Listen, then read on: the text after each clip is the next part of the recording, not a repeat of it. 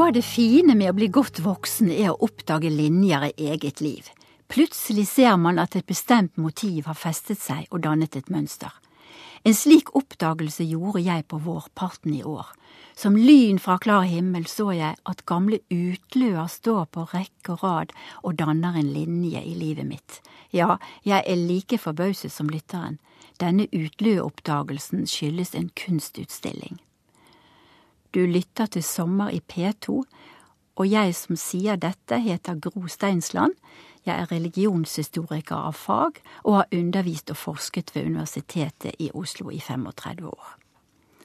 På nyåret hadde jeg krysset av for en utstilling på Astrup Fearnley-museet, som ligger på Aker Brygge i Oslo. Det moderne Samtidsmuseet stilte denne vintervåren ut kunstneren Marianne Heskes Gjerdeløa, et 400 år gammelt laftehus hentet fra de stupbratte fjellene i Tafjord på Sunnmøre, kunstnerens egen barndomsbygd. Gjerdeløa er et ganske alminnelig uthus bygget av malmfuru i hevdvunnen lafteteknikk, merket av vær og vind gjennom lang tids bruk i et barskt, vertikalt vestlandsk fjellandskap. Lafteteknikken, et slags urgammelt legoprinsipp, gjør det mulig å demontere og remontere slike bygninger, og nå var den gamle utløen gjenreist på landets nyeste samtidsmuseum. Til utstillingen hadde kunstneren lagt et nytt verk en kopi av bygningen i full størrelse, i hvitt, transparent kunstharpiks. De to bygningene, originalen og kopien, var stilt tett sammen og fungerte som hverandres natt og dag, lys og skygge, kanskje også virkelighet og kunstverk. Gjerdeluen har vært ute på en lengre reise enn tur-retur Tafjord-Oslo. I 1980 skapte Marianne Heske furore ved å stille ut den slitte uthusbygningen på det fasjonable Pompidou-senteret i Paris. Stuntet ble en sensasjon som fikk oppmerksomhet langt utover Norges og Frankrikes grenser, som et slående eksempel på såkalt konseptkunst. Gjerdeløen ble et ikon i den moderne kunsten. Jeg kom meg først av gårde da utstillingen var på overtid og dermed fikk jeg vandre omkring i lokalet helt for meg selv, sanse, kikke, ta på, lukte på det gamle treverket, gå inn og ut av døråpningen, studere restene av initialer og graffiti på veggene. Jeg prøvde å snakke med de to bygningene, originalen og kopien, og kjenne etter hvilken av dem som svarte meg. Lokalet svevde mellom tid og tidløshet. Hva var det jeg var med på? En nostalgisk reise tilbake i tid til nasjonalromantikken på 1800-tallet? Eller møte med et stykke fortidig virkelighet, et monument over arbeidsliv og slit, en bruksbygning som en gang var reist som sivilisasjonens utpost mot den ville naturen? For Utløen var utposten i rekken av bygninger som krevdes i det gamle bondesamfunnet, der låven lå nærmest gårdshuset, helst skulle den være stor og bred. Så kom fjøset og stallen, grisehuset, høyere i terreng og utenfor steingarden lå sommerfjøset, og dernest kom heimeseteren og lenger borte fjellseteren, og som en festning mot det som var utenfor menneskelig kontroll, utløen. Her hørte vi Geir Tveids moltdyr og myrabær. Etter å ha tatt inn Gjerdeløen med alle sanser, begynte to ulike fortellinger å krysse klinge i mitt indre. Den store fortellingen om utmarkens kulturhistorie og den lille fortellingen om utløer i mitt eget liv.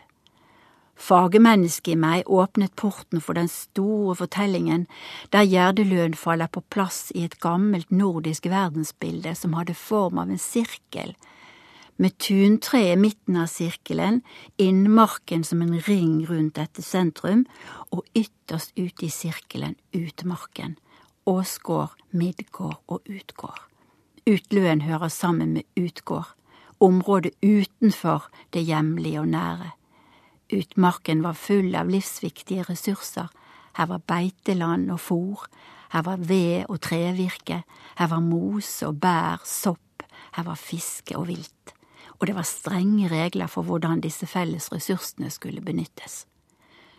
Fremdeles er utmarken et felleseie som gjennom den lovfestede allemannsretten gir oss som bor i landet rett til å telte, fiske, plukke bær og sopp til eget forbruk, bare vi respekterer reglene for god ferdsel og tar hensyn til dyreliv, fauna og flora. Allemannsretten er en skatt av et lovverk som vi må ta godt vare på. Men utmarken var ikke til for ferieliv. Folketradisjonen forteller om farene som møtte mennesker som ferdes her, redsel for ville dyr og for møte med makter og vesen som var annerledes enn dem som rådet grunnen på innmarken. Og nå strømmer nær sagt hele nasjonens kulturarv mot meg fra den gamle løen.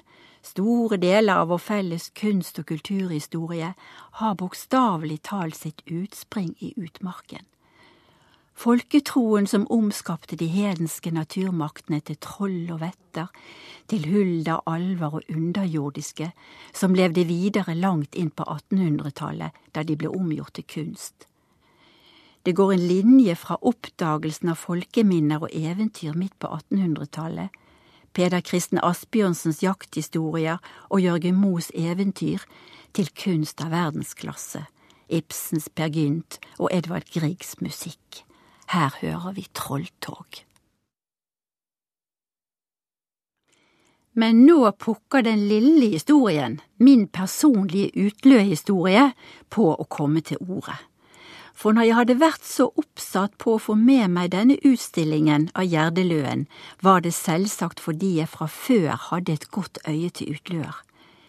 Jeg må innrømme at konseptkunsten sto meg fjernere, Konseptkunsten hevder at betrakterens tanker og refleksjoner skal bidra til å gjøre objektet til kunst.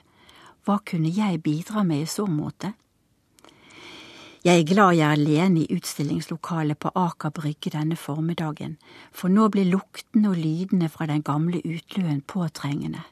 Det lukter fjellgras, det dufter av urter og fanger av løv og ris, jeg aner en halvvissen fjelldronning med et vell av hvite blomster som har fulgt med grasstråene fra en fjellhylle. Rester av pors og einer, jeg hører ekko av rop fra slåttekarer, hører svusjelyd av stuttorv. Det var en kunst å berge gras i de øverste fjellskårene. Det trengte spreke legger og gode knær og godt håndlag. Jeg følger solen som nærmer seg middagsleite, jeg ser at matkorgen tas frem med kaldgraut og lefse, surmelkspannet går rundt. Det kviles i løvveggen til humlesurr og sval fjellvind, det lukter sterkt av tjære fra de brunslitte stokkefarene. Etter en stund hører jeg at vinden uler, det blåser gjennom stokkverket. Noen frosne sjeler som har hatt æren i fjellet, har søkt ly i utløen mot vinterstormen de priser lager av høy fra siste sommer. En bordvegg kunne skille mellom liv og død i vinterfjellet. Jeg står her i kunstlokalet og innser at opplevelsen av landskap er noe av det sterkeste og dypeste i mine sommerminner. Jeg kan når som helst hente frem i bevisstheten et landskap som jeg kjenner godt, og sanse, se, lukte, kjenne føttene ta grunnen i stier og bratteng og finne frem til en utløe. Disse landskapsopplevelsene er rikdommer med seg som jeg vil tro mange kjenner seg igjen i. Jeg vokste opp i etterkrigstidens Bergen, en tid med rasjoneringsbonger for alt som skulle kjøpes, og appelsiner som først la til kai med båt like før julaften. Knappet på det meste, men én ting hadde de aller fleste tilgang til, reise på landet, til en hytte av et eller annet kaliber som lå i distriktet, nord eller sør for Bergen. Hyttene var forgreininger av familiebånd som knyttet de fleste bergensere til Strilelandet. Alle hadde en bestemor eller bestefar som kom fra distriktet, selv om ikke alle ville være ved det. Når jeg ser tilbake på det yrende helgelivet som foregikk fra påsketider til langt utpå høsten, fatter jeg ikke at de voksne orket. For den gang var det ingenting som het frilørdager. Lørdag innebar halv arbeidsdag frem til klokken to, og fjordabåtene som lå ved kai og skulle frakte hundrevis av bergensere på landet, la fra kai presis kvart over to. Når klokken nærmet seg avgang og kvinner og barn for lengst hadde entret leideren med sin del av den nødvendige bagasjen, og da det gjerne var ringt to ganger i skipsklokken og motoren under dekk ruset for fullt, da kunne man observere rekker av løpende, kavende fedre styrtende over torget, utstyrt med ryggsekker, papirposer og annen bærbar proviant, gjerne et malerspann på kjøpet rop og skriking, og sistemann hoppet om bord etter at landgangen var tatt. En og annen gang hendte det at en kolli havnet i sjøen, og mannskapet måtte hjelpe til med håv. Og så la flåten av fjordabåter fra kai kappseilte ut vågen, mens den umiskjennelige duften av ertesuppe og sterk kokekaffe steg opp fra byssen. Tjukke, hvite kaffekopper med monogrammet NHD, Det nordhordlandske dampskipsselskap, klirret mot asjettene i takt med motorens anstrengelser. For et liv og røre det var, og alle stoppene innover fjorden, alle de små kaiene med skur og uthus der folk var møtt opp for å hilse dampen. Varer skulle losses og lastes, noen steder skulle ku eller en sau i land, enkelte steder en kasse fra Vinmonopolet. Ingenting kunne holdes hemmelig med de dagers transport. Turen innover fjordarmene tok timer. Den folkekjære vestlandstrubaduren Ivar Medås må slippe til her med Dar kjem dampen. Den visen tar folkelivet med fjordabåtene på kornet. Men i min tid hadde fjordabåtene sin storhetstid. Og da vi endelig sto stødig på vår kai, begynte en febrilsk omlossing av folk og varer og postsekker til rutebil. Alltid for mange passasjerer, altfor mye bagasje som skulle stues inn før bussen kunne harke seg av gårde på slyngete, støvete landeveier. Underveis var det grinder som skulle åpnes og lukkes forsvarlig, for nå var vi i beiteland der sauer og kyr gjorde jobben med å holde kulturlandskapet åpent. Sto der en grindagutt eller grindajente klar til å åpne, fikk de slengt en femøre eller tiøre til seg sammen med et godord. For meg var disse bussturene en prøvelse, for jeg sluttet aldri med å være bilsyk og klarte aldri riktig å glede meg over de frodige landskapene vi passerte. Det rare er at i dag har jeg glassklare minner om bygdelagene, de lave, hvitmalte vestlandshusene, de røde løene og de grå uthusene i utmarken. Noen utløer var det virkelig gamle slaget, med håndmurte steinvegger og brakekledning. De fester seg til bilder av heggetrær som står innhyllet i slør av hvite blomster om våren, og stedene der de første liljekonvallene var ventet å dukke opp, og alle de spretne lammene utover jordene. Men reisen til landstedet var ikke slutt med båt og busskyss. Da bussturen omsider var over, gjensto et endeløst veistykke til å gå tidvis klatre i, for vi hadde hytte ved en gammel fjellgård høyt over havet. Vi gikk og vi bar, og det var en fryd å se igjen elven med de brune kulpene og de hvite skumvirvlene akkurat på de rette plassene, og finne fotefeste på stien på akkurat samme sted som sist. Det må litt langt mot kveld før vi var fremme og kunne tenne opp i svartovnen og få oss mat. Alt smakte annerledes og ubeskrivelig godt på landet. Neste dag var det søndag, og det led ikke langt på dag før det var å ta fatt på samme prosedyre, omvendt vei. Traske langs landeveien, stues inn i buss og bli kvalm, vente på fjordabåten på kaien og ankomme Bergen havn om kvelden.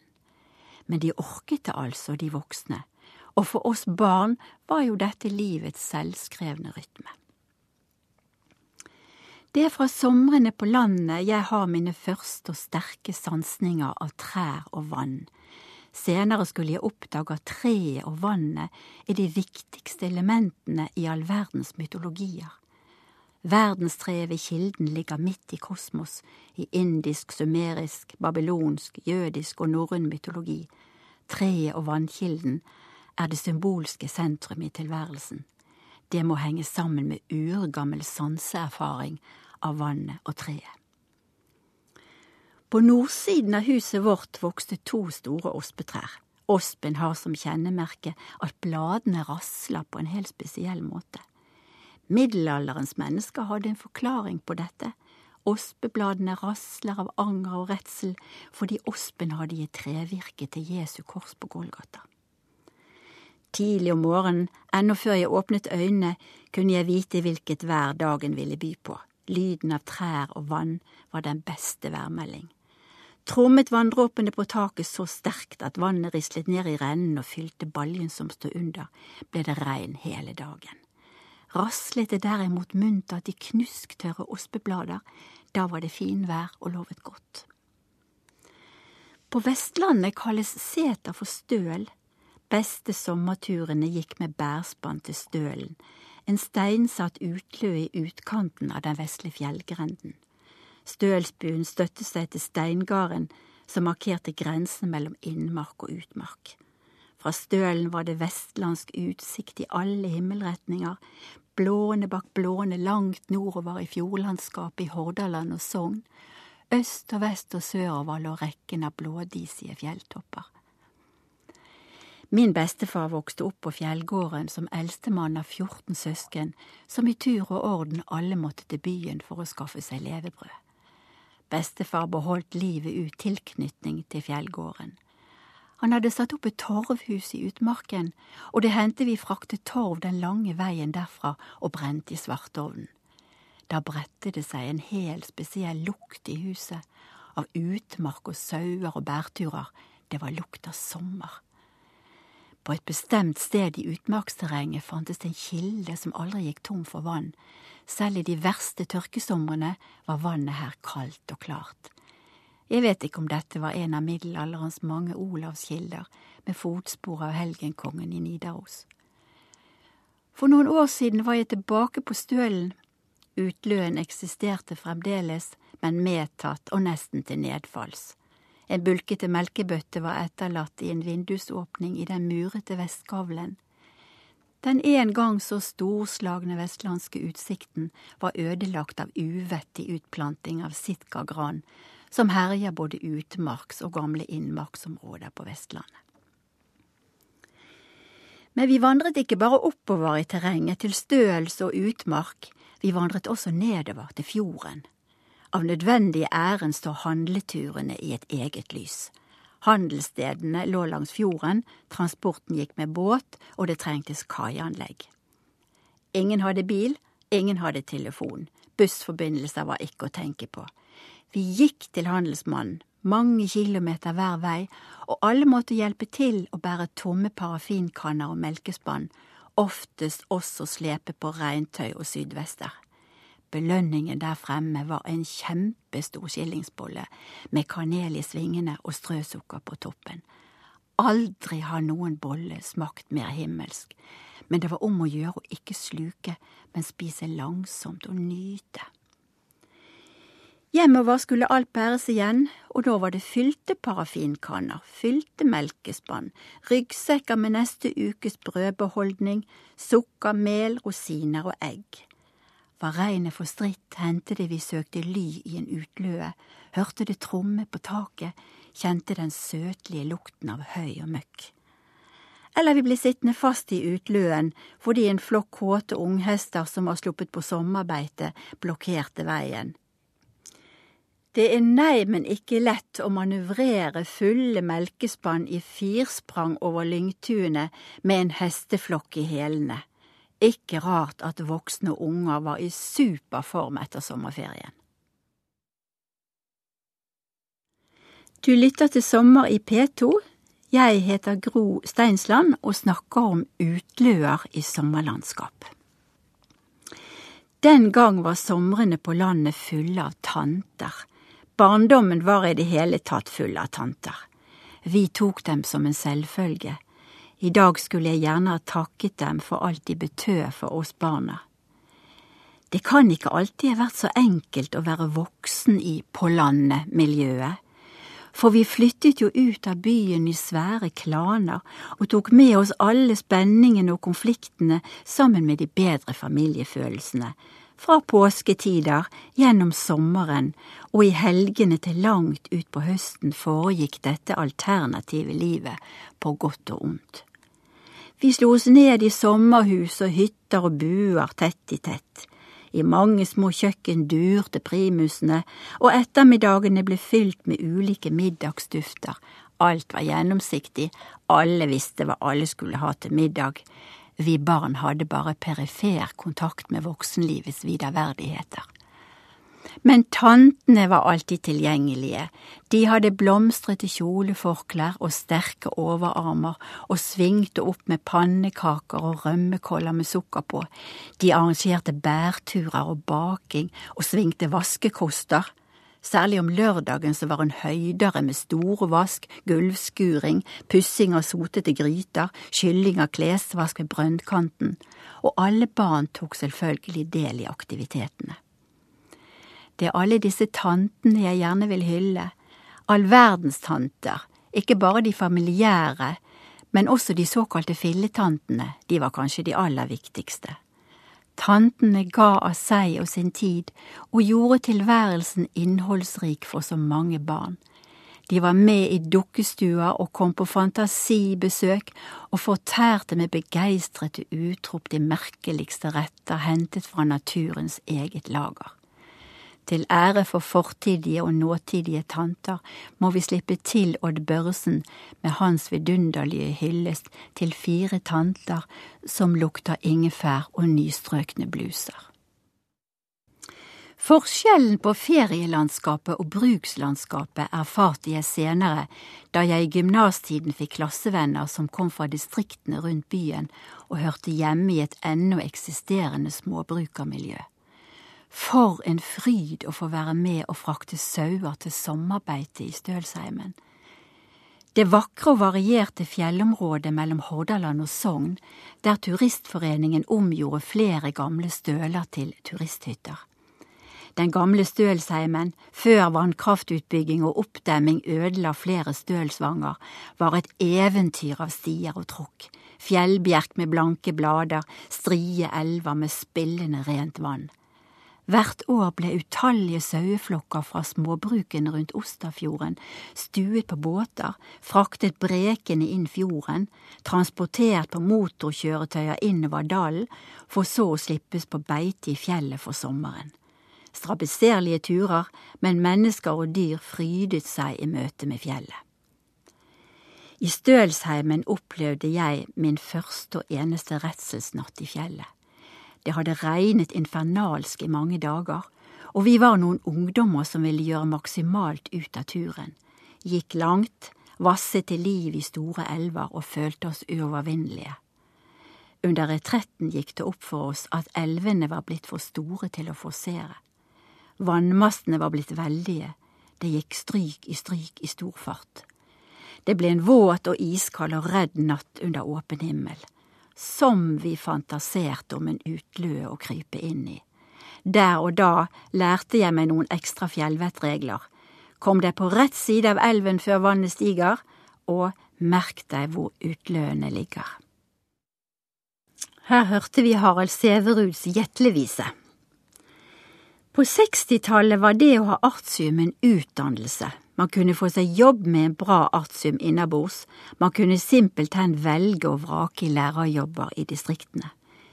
Jeg valgte meg Romsdal, tett på Bjørnstjerne Bjørnsons fagre barndomsbygd Nesset, og en liten bit av hjertet mitt er fremdeles gjemt der. Jeg kom fra en bykultur der det var tradisjon å gå tur. Turer med selvrespekt gikk over vidden, det vil si at man gikk strekket over byfjellene fra Fløyen til Ulriken, helst hver søndag utenom sesongen da vi reiste på landet. Jeg navigerte etter to forhold da jeg som nybakt arsianer søkte min første ansvarsfulle jobb. Stedet måtte ha høye fjell, og det måtte være utløer det vil si at de ville oppleve det dramatiske spennet mellom natur og jordbrukskultur. Det fikk jeg til fulle, og det jeg skulle erfare som ung jypling nyankommet i et rotfestet bygdemiljø, var at det ikke var noe skille mellom kultur og natur. For i Romsdalsbygden gikk ikke et eneste menneske på tur for turens egen skyld. På gamle seterveier og høyt til fjells kunne man møte godt tilårskomne kvinner med drivkvitte skaut knyttet bak på hodet og godsaker i forklelommen i tilfelle de møtte sauene sine. Her brukte man naturen, man hadde alltid et praktisk formål med vandringene.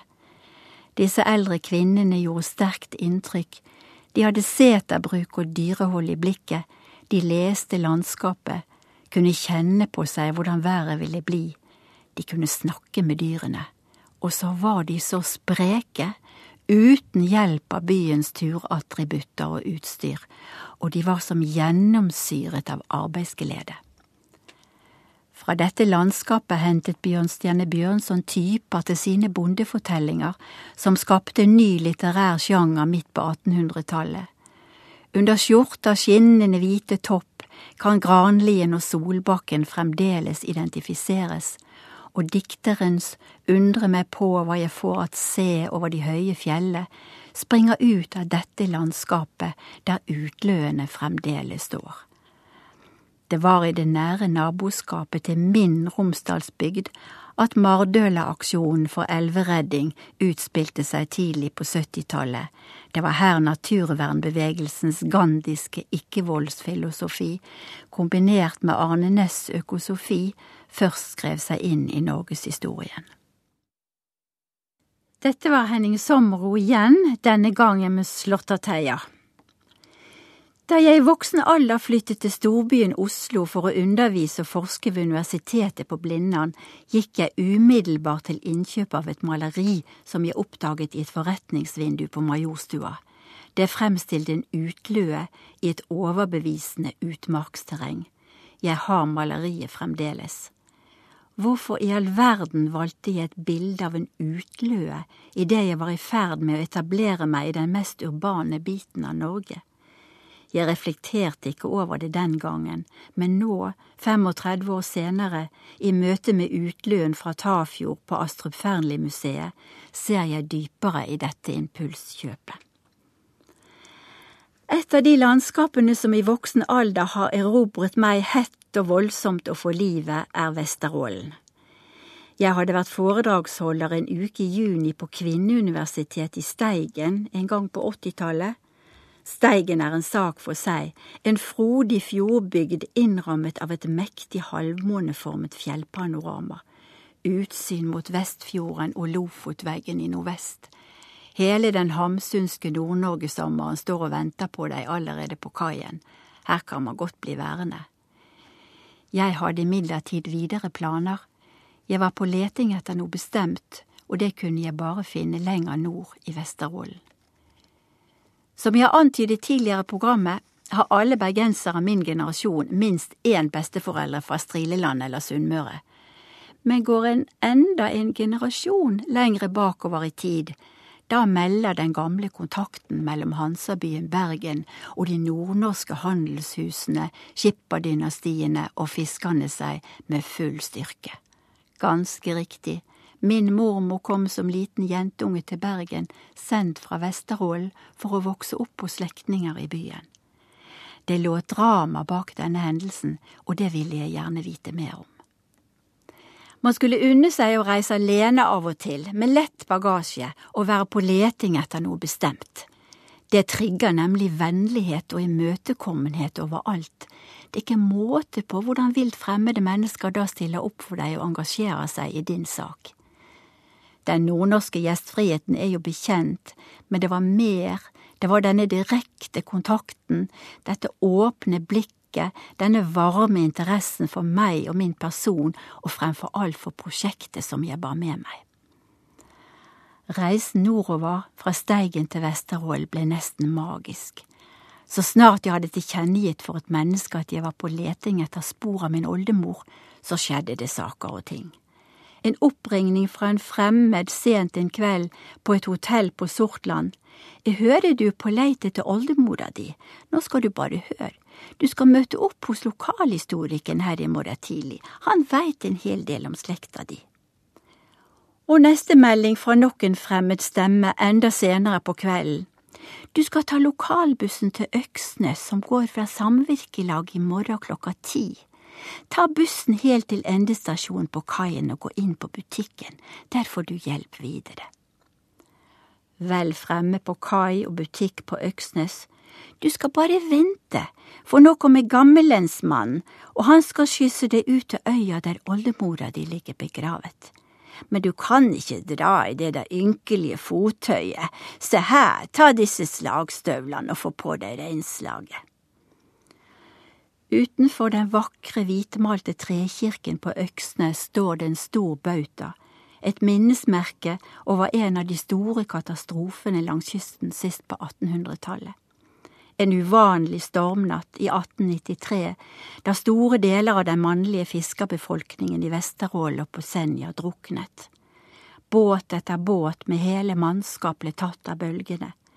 Min oldefar var blant dem, han hadde egen båt, og mannskapet hans bestod stort sett av slektninger, helt ned til 15 års alder. Denne katastrofen skal ha utløst den første nasjonale innsamlingsaksjonen for enker og faderløse. Oldemor satt igjen med ti unger. Mormor var både så liten og samtidig så stor, fire år, at hun kunne klare seg hos slektninger i Bergen.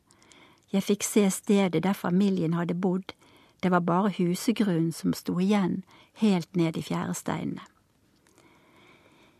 Jeg hadde ment å lete etter min oldemors grav ved Øksnes kirke, men det var et helt annet scenario som åpnet seg, og det ble helt uforglemmelig. For gammellensmann kom og hentet meg med båt, og i regnvær og blåsten la vi ut i havnebassenget. Vi skulle til en gravøy, ja, en øy der man i eldre dager begravde sine kjære. Sjøen gikk såpass tung at fiskeskøytene ikke kunne legge til kai ved øyen, og vi var nødt til å gå over i lettbåten for å komme i land. Det var forværelset til paradiset som møtte meg der ute på øyen. En vindskjev steingard vernet den gamle gravplassen, tue på tue overgrodd av ville vekster, av duftende villroser, rester av gammeldagse hageplanter, storkenebb og skyer av hvite hundekjeks, enkle trekors side om side med ruvende sorte smijernskors, innskrifter og gravplater, et og annet knust bildekammer. Det var bygdens historie som steg opp mellom minnesmerkene, menn og kvinner og barn, alle med sine livshistorier. Jeg kunne vandret i dager der ute sammen med den kloke gammellensmannen, høre han fortelle slitets og gledens historier fra en bygd ved fjord langt nord. Sjøen durte rundt oss på alle kanter med sine bårelyder som måsene forgjeves prøvde å overdøve. I horisonten rundt oss lå Vesterålens aldeles ufattelig blå fjellkonturer. Det siste jeg så av øyen fra akterenden på fiskeskøyten, var den gamle utløen ved kaien, en gang rødmalt, nå i en fargeskala som røpet fin, gammel årgang. Den er blitt min utløe mot havet. Den står der og vitner om at livet tar vare på døden. Hva så med Marianne Heskes prosjekt Gjerdeløe i gammel og ny årgang og kunsten jeg vet ikke om jeg har kunnet bidra med noe der. Jeg må innrømme at det var den originale, eldgamle utløen som jeg kommuniserte med, det var den som viste meg mine egne utløer i sommerlandskap. Men her og nå, i lyset fra Vesterålen, gjør jeg plutselig en oppdagelse. Utstillingens nye utløe, kopien i fjærhvit harpiks, den er selvfølgelig en engel en hvit engleutløe, for selvsagt fins det utløer i himmelen også. Og nå er jeg spent på om du godtar denne tolkningen som bidrag til kunstverket ditt, Marianne Heske. Vi lar Kari Bremnes avrunde reisen i sommerlandskap med sangen om grågåsen.